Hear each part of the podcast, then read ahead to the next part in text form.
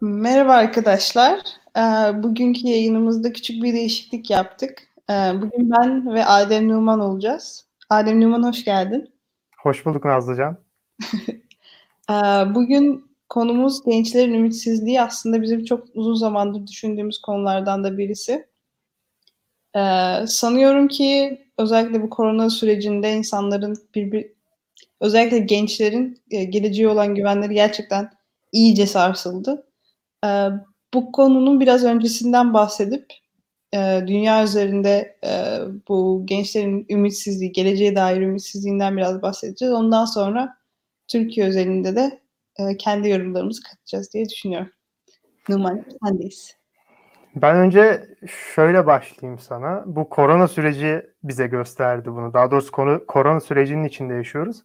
Şey, yarının bugünden daha iyi olacağına dair bir ümidin var mı senin? Şu hiç değilse şu e, atmosferde. Hayır, kesinlikle yok. Ya bunun temel sebebi korona şu an için ama genel olarak baktığımızda da hiç değilse Türkiye özelinden başlayacak olursak Türkiye özelinde de yok. Ya ben bu geleceğe dair ümitsizlik meselesini ikiye ayırıyorum genelde. Biri somut gerçeklikler, diğeri algılar diye. Bugün e, bir Türkiye'nin işsizlik rakamları açıklandı. Onlar üstünden başlamak istiyorum. Bir de Önce... e, düşündüğün yani o, o sayıları ben de gördüm. Onlardan özellikle konuşuruz.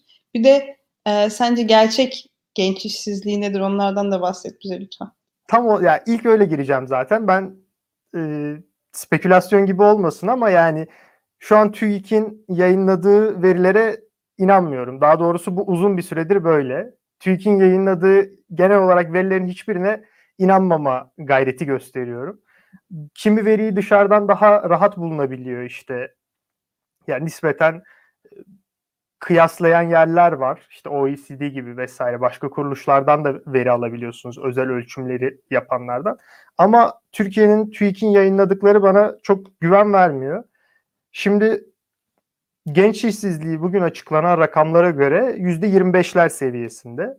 Enflasyon genelde %12-13'te seyrediyor bu yıl için. Geçtiğimiz yıl %20'lere kadar çıkmıştı. Toplam işsizlik %13,6, tarım dışı işsizlik %15,4. Açıkçası bunlara baktığımda Türkiye'nin tablosu bence yaşanan kadar kötü değil. Ama veriler bize bunu söylüyor. Ben gerçek hayata dönüp baktığımda ki bunlar öznel gözlemlerim yani hani bir istatistiki araç, metot bir şey kullanmadan gördüklerim. Orada çok daha farklı bir gerçek var. Ee, bunun yanında bir de dar tanımlı işsizlik, geniş tanımlı işsizlik diye bir ayrım var. Bugün o arasındaki fark yani dar tanımlı ile geniş tanımlı arasındaki fark çok ciddi manada açılmış. 4 milyon dar tanımlı işsiz var. Ama 8 milyon geniş tanımlı işsiz var. Bu ikisi arasındaki fark da iş aramaktan ümidini kaybedenler Hı. olarak e, adlandırılıyor. Yani son 4 hafta içinde iş aramaya çalışmadıysanız ki son 4 hafta içinde karantinadayız zaten. zaten. Yani iş olanakları zaten çok sınırlı. Eğer TÜİK size bu soruyu sorduğunda iş aramıyorsanız son 4 hafta içinde siz işsiz sayılmıyorsunuz. Bu zaten herkesin çok fazla vurguladığı bir ayrım. Önce buradan başlamak istiyorum. Yani Türkiye'de inanılmaz bir işsizlik e, sorunu var gençler arasında ve bu işsizlik sorununun nasıl çözüleceğine dair de en ufak bir ümit görmüyorum. Burada birkaç tane daha veriye baktım ben. İşte genç işsizliği zaten %25 %30 arası seyrediyor ve uzun yıllardır böyle Türkiye'de. 2007'den sonra uzun yıllardır böyle. Bunda bir düşüş eğilimi de görmüyoruz. Bir de şeye baktım. E, bu yüksek okul mezunu yani lisans mezunu, lisans ve üstü mezunlardaki işsizlik oranına baktım. Orada da OECD'nin verileri %10 olduğunu söylüyor bize.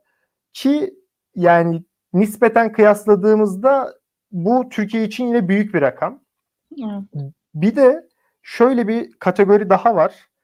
E, bu ne eğitim alan ne de çalışan bir topluluk var gençlerde. Onu şey olarak tanımlıyorlar. Yani 18 yaşını geçtikten sonra hem çalışmıyor, aynı zamanda okumuyor da ve bunun oranı da genç nüfus oranı yüzde 25. Yani çok fazla. Evet, aslında şöyle sürekli bir genç işsizliğinin etrafında dolanan bir şey var. Bir sarmal var ve bunun içinden çıkamıyor Türkiye. E, haliyle böyle olduğunda da gençlerin çok ümidi olmuyor önünü görmesi ya da geleceğe dair umutla bakması açısından. E, bunun yanında mesela şey çok ciddi bir sıkıntı. Şimdi okuyorsunuz, okurken belli krediler alıyorsunuz. Türkiye'de bu kredi sistemi yaygın. Bu kredi sistemi Amerika'daki gibi genelde okulu kapsamıyor. Yani okullar devlet üniversitesi olabiliyor ya da özel üniversitelerin belirli bölümlerinde burslu okuyabiliyorsunuz ama okuduktan sonra devletin size verdiği bir burs, e, burs değil, kredi var. Bu krediyi geri ödemeniz gerekiyor.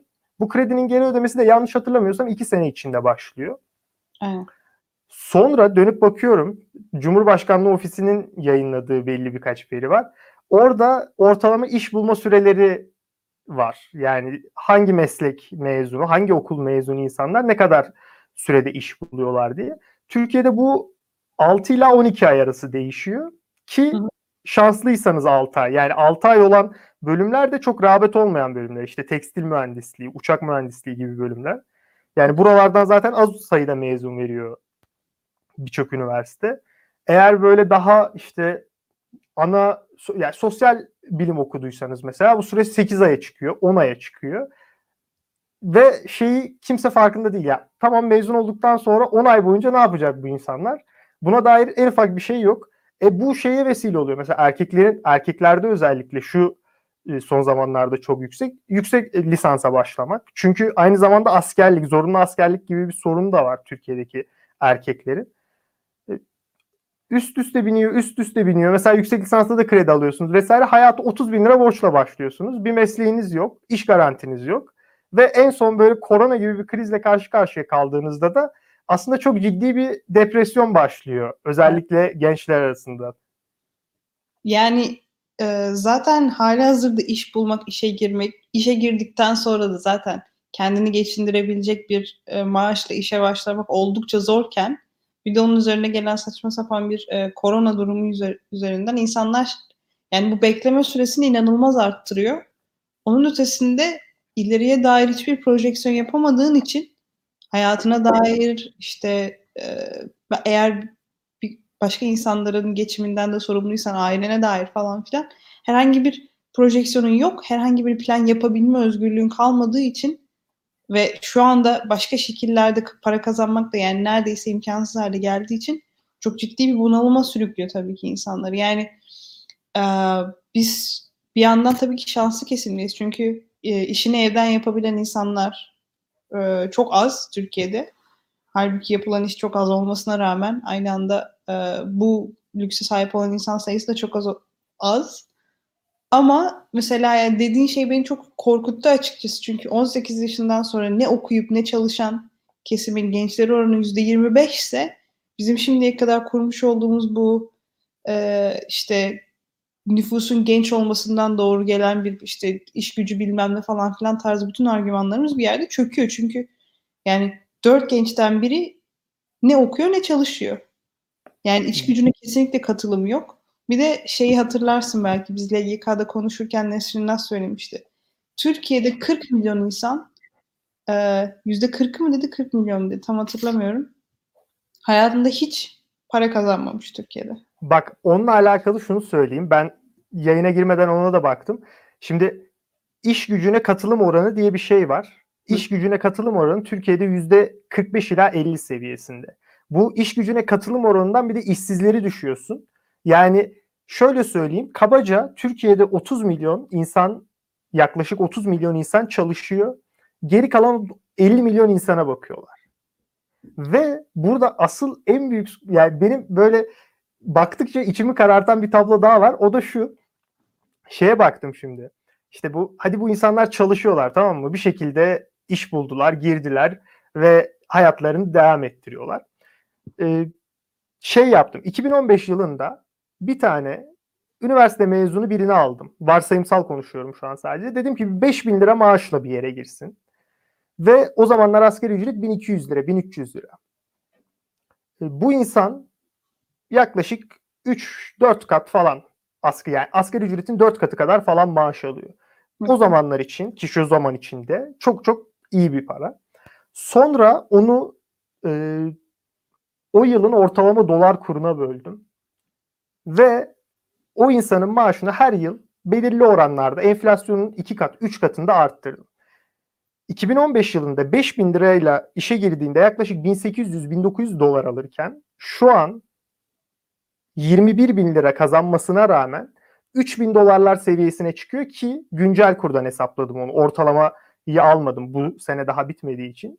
3000-3200 dolar seviyesine çıkıyor. Yani 5 yıl çalışıp aslında dolar bazında maaşını hemen hemen ikiye katlayabiliyor anca. Ve burada aslında dolar bazında olmasının önemi şu. Bu bizim neslimizle birlikte, bizden biraz önce yani 80 sonrası doğan insanlarla birlikte Türkiye Batı ile ciddi manada bir entegrasyon sağladı. Teknolojinin de gelişimiyle birlikte. Şimdi bizim belli bazı zevklerimiz var. Mesela işte atıyorum nedir bu? Bilgisayar, fotoğrafçılık, PlayStation. PlayStation mesela. Bunların hepsi ya da işte kimisinin araba zevki var mesela. Bunların hepsi dolar endeksli zevkler aslında. Yani doların bugün 7.20 olması Türkiye'deki gençleri çok daha fazla etkiliyor. Yani herkese etkiliyor ister istemez. Bu Anladım. sadece gençler üzerinde bir şey değil ama yani mesela ya, bilgisayar alacaksınız. Eğer dolar 6.20 iken aldıysanız 1000 lira kardasınız, 7.20 iken aldıysanız 1000 lira zarardasınız. Ya da isteklerinizi ona göre düşürmeniz gerekiyor. Araba alamıyorsunuz mesela. Yani Türkiye'de sadece şey de değil.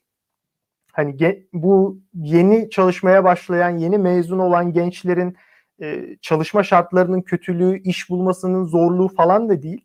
Onu geçtim. İş girdikten so- işe girdikten sonra refah seviyesi de ciddi manada artmıyor uzunca bir süre.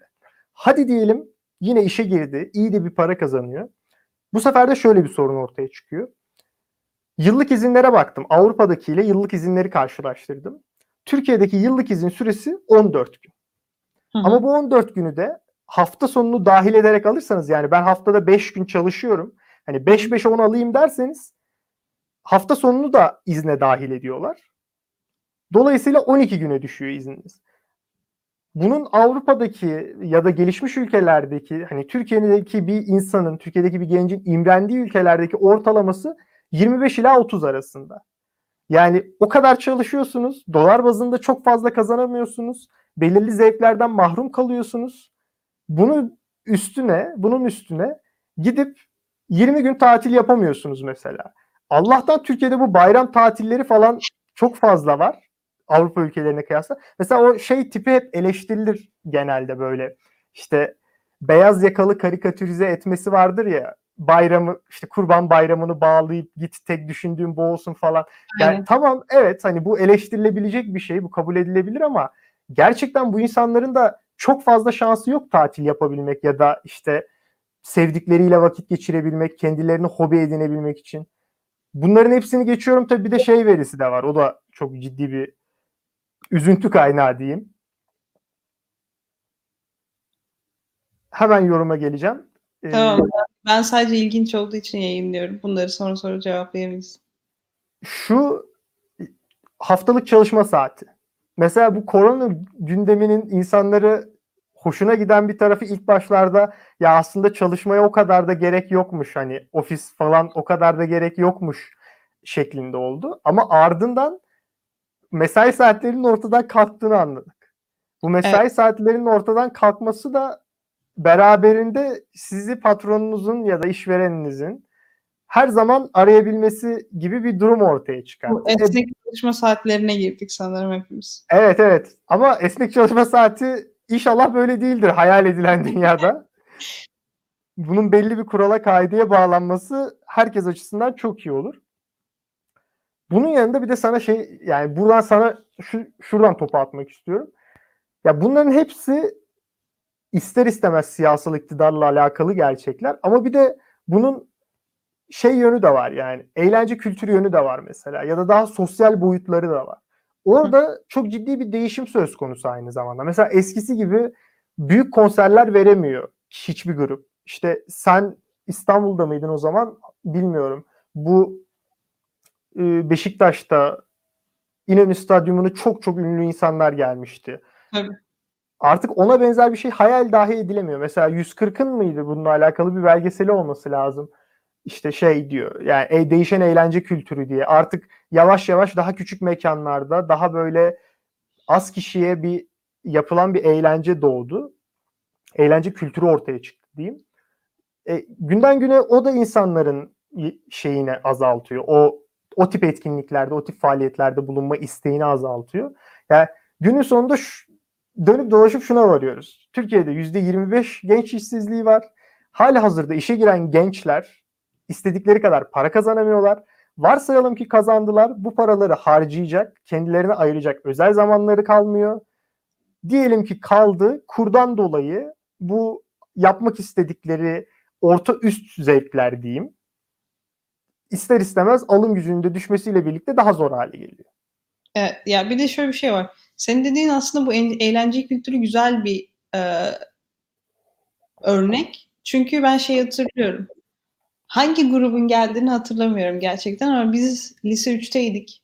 E, 2011, 2010-2011 civarı olması lazım ve İnönü Stadı'na inanılmaz gruplar geliyordu sürekli. İşte Iron Maiden'lar vardı, şunlar vardı, bunlar vardı ve biz e, hani izin alabilsek o paraları verip gidebileceğimiz konserlerdi bunlar. Ben İzmir'de okuduğum için o tarz şeylere gelemedim tabii ki ama işte mesela şeyi falan hatırlıyorum. Son Rock'n Coke'a Rock'n Coke'a gittiğimizi hatırlıyorum mesela. O işte bizim yıllardır duyduğumuz bilmem ne falan filan İstanbul'da okumaya geldiğimizde gittiğimiz Rock'n Coke artık yok. Ama bunun sırf Rock'n Coke olmamasının özel bir, bir özelliği yok. Buradaki aslında şöyle bir şey var. Ee, bir yerde Türkiye bu tarz etkinlikleri yapmak için artık güvenli güvenli ülke sınırından çıktı. Öyle bir problem var. Özellikle işte bu 2015 sonrasında falan çok fazla bombalama oluyor, bilmem ne oluyor biz bunları bir şekilde açıklayabiliyoruz kendimizde. Aynen sonuç var. Ee, ama dışarıdan tabii ki bunun açıklaması çok zor olduğu için insanlar gelmek istemiyorlar. Doğal olarak sanatçılar da gelmek istemiyorlar. Bir yerden sonra böyle bir dönüşüm geçti, yaşadık. Onun dışında ama bir yandan da şey düşünüyorum. Yani genel olarak dünya dünya çevresinde diğer ülkelerde de gördüğümüz daha underground bir e, eğlence kültürü oluşmaya başladı. Yani insanlar 250-300 lira verip çok ünlü birinin konserine gitmektense işte 50-60 lira verip e, haftada bir konsere gitmeyi, haftada bir eğlenmeyi tercih eder hale geldiler. Bunun tabii şey et, farklı etkileri de var yani. İşte mesela şu anda şu anda değil ama işte koronadan önce bir önceki yıllar mesela Kadıköy'e gittiğiniz zaman orada bir işte konsere gidebileceğiniz birkaç belli barlar vardı. Ya da belli işte e, performans sahneleri var hala. Ve biz bunlarla işte daha öğrenci dostu e, fiyatlarla gidip eğitim eğitim diyorum pardon eğlencemizi alabiliyorduk. Şu anda e, insanların biraz daha böyle underground, daha kendilerine yakın insanlardan sanat ya da eğlence e, almaları gibi bir durum söz konusu. Ama yine de mesela işte yani yazın festival olduğu zaman insanlar hala gitmek istiyorlar ya da işte e, İstanbul Jazz Festivali hala hala insanların çok ilgi gösterdiği bir şey da işte film festivalleri falan da aynı şekilde. Ama artık yani parası olan birinin bile gerek var mı diyebileceği bir noktaya geldi. Evet. Ya o o artık şey nasıl diyeyim? Ya eğlenmekten artık zevk almıyorsun. Çünkü şey gibi bir şey var. Yani diğer kaygıların eğlenme ihtiyacının bile çok önüne geçiyor. Ben hala yorumdayım. Şu anki maaşım 7 sene önceki işe başlarken aldığım maaştan 10 dolar daha az. Yani, yani evet. Aklım almıyor bunu. Bunu gerçekten aklım almıyor. Yani biri şey gelecekten ümidimi kestim demiş. Gerçekten öyle. Yani hiç aslında ümit var olmaya gerek yok ama benim ümit var olduğum konular da var. Bu arada bu yani Türk lirasının değer kaybı ve bunun üstünden geliştirilen ekonomik politikalar aslında bir politika da olabilirdi. Böyle kalkınmayı seçen ülkeler de var. Düzenli olarak döviz kurunu şey Türk lirasını ya da yerel parayı devalüe edip onun üstünden bir kalkınma modeli de benimsenebilir ama Türkiye onu da yapmadı. Yani Türkiye sadece bir şeyleri erteleyerek insanların yani, hayatından çaldı ve ekonomi yönetimi yani ekonomik olarak bunu söylüyorum ve şöyle şimdi bu korona kriziyle birlikte önümüzdeki mesela geçen sene mezun olan, bu sene mezun olacak olan ve önümüzdeki senelerde, önümüzdeki bir sene içinde mezun olacak insanların gerçekten hayata başlarken çok büyük dezavantajı var. Çünkü kriz ortamında iş aramak kadar zor ve meşakkatli bir süreç yok. Türkiye hemen hemen bir 3-4 yıldır bunu yaşıyor.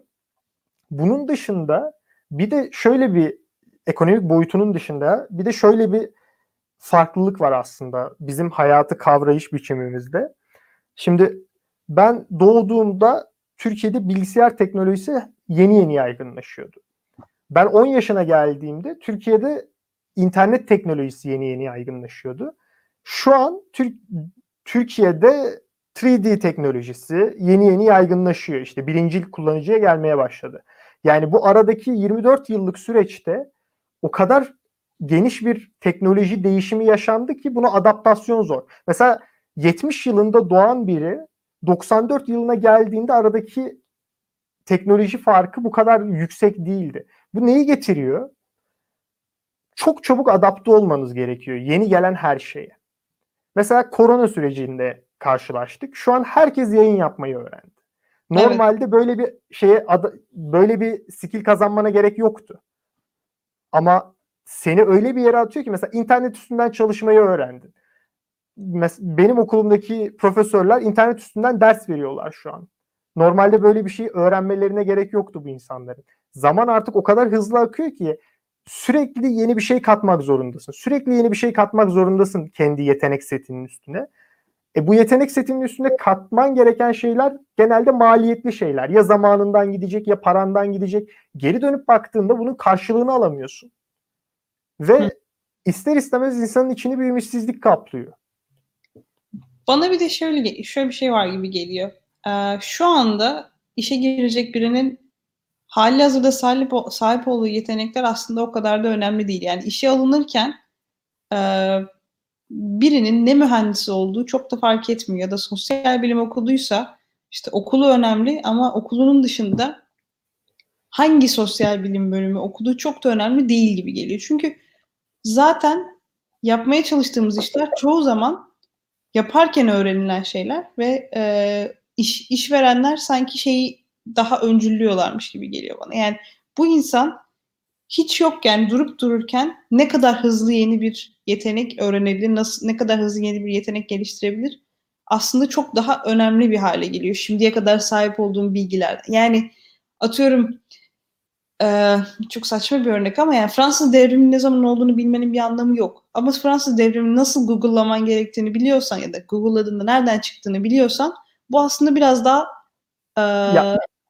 para eden para eden diyeceğim ya da daha değerli bir satılabilir. Yetenek. Daha rahat satılabilir belki evet. de. Ya aslında öğrenmeyi öğrenmek en önemli soft yani becerilerden bir tanesi.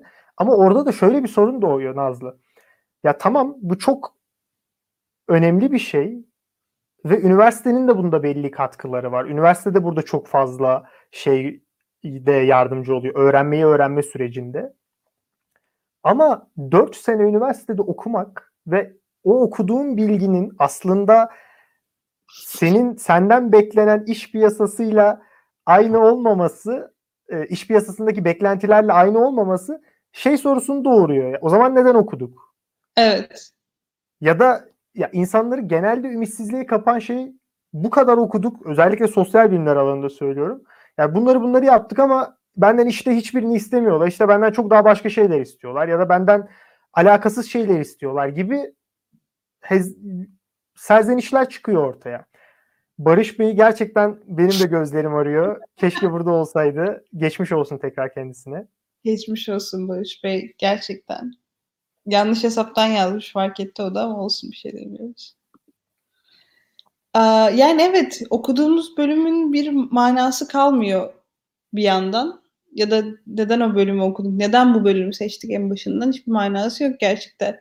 Ha, bunun tabii bazı e, bizim avantajlı çıkardığı durumlar var. Mesela benim gibi felsefe mezunları iş bulabilir hale geliyor. Çünkü Boğaziçi mezun oluyorlar. Ama tabii ki baş, yani şaka bir yana gerçekten e, harcamış olduğumuz emekler, paralar, zamanlar bir yerden sonra boşa çıktığı zaman insan gerçekten sinirleniyor.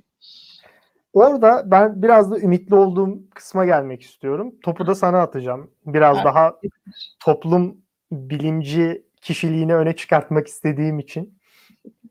Bu Daktilo'da da çok yazıldı ve çok da güzel yazılar çıktı. İlk defa Türkiye üzerinde söylüyorum bunu. Toplumun talepleri ve gençlerin talepleri devleti yönetenlerden daha hızlı bir şekilde, daha önde, daha ilerici bir şekilde şekilleniyor. Bu da bana aslında tek beslediğim ümit kaynağım da bu.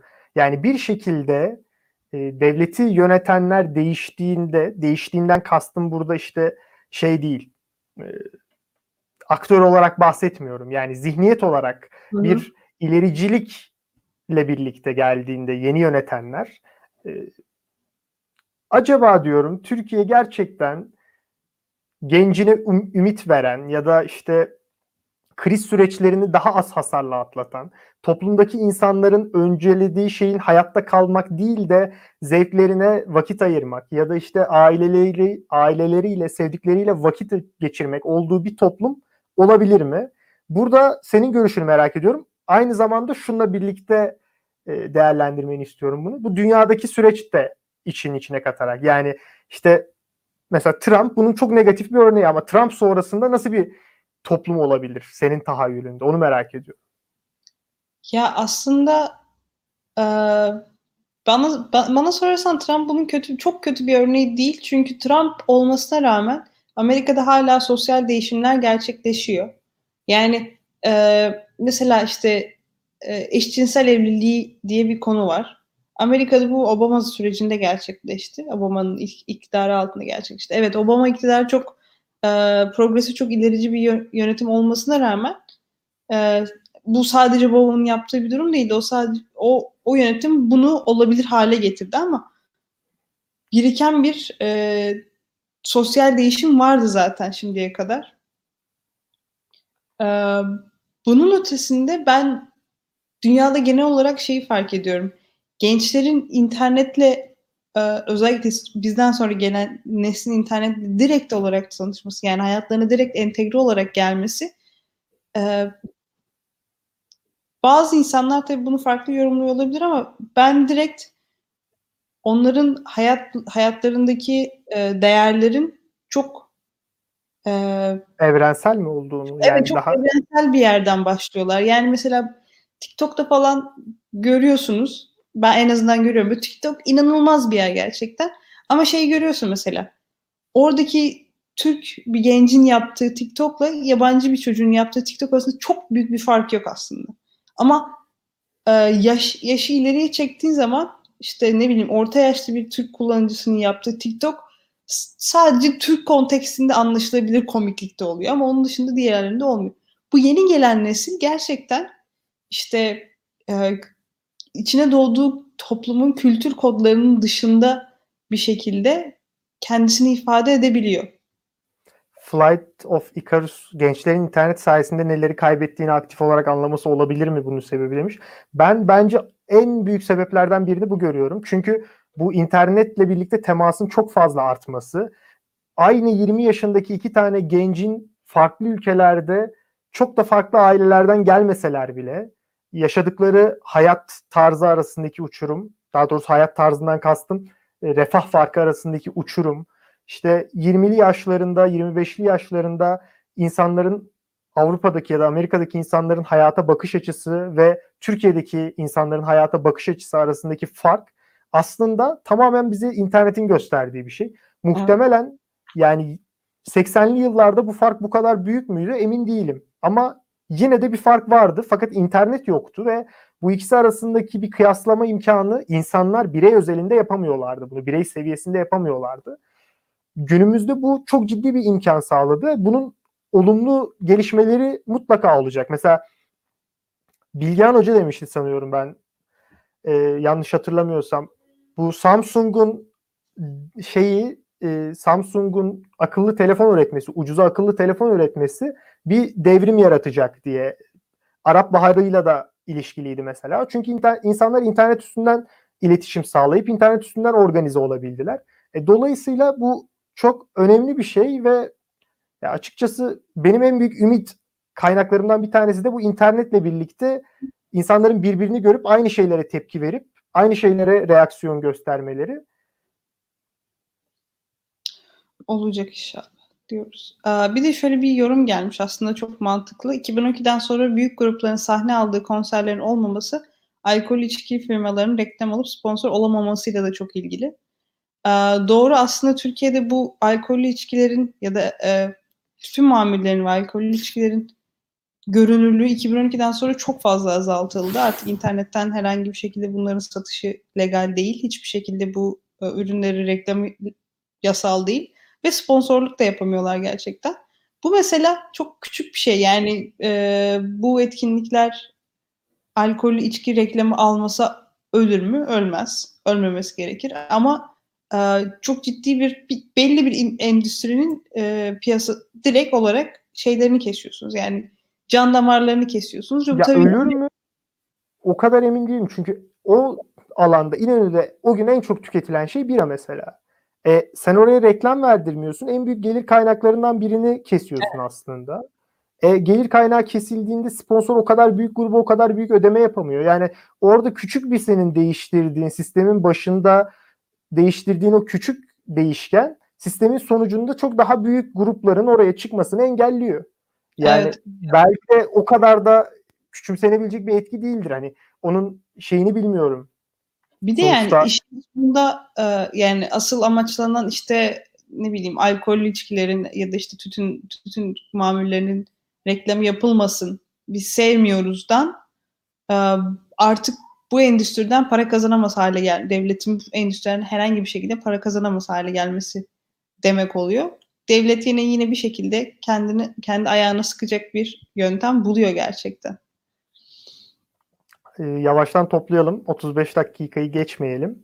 Tamam. E, yani benim genel olarak ümitsizliğimin sebepleri aslında yayının başından beri anlattığımız işsizlik, iş hayatı ve gerekli refaha ulaşamama aslında çalışmana rağmen gerekli refaha ulaşama, ulaşamama gibi sorunlar var. Bunlar somut göstergeler. Bunun yanında bir de e, algısal problemlerimiz var. Yani o sürekli değişim ve bu değişime adapte olma, o adaptasyonun getirmediği getirdiği tatminsizlik duygusu ve yani çok üretken olmak zorunda hissetme hali. Bu evet. da bir sorun. Özellikle bu yaptığınız çabanın karşılığını alamadığınızı hissettiğinizde.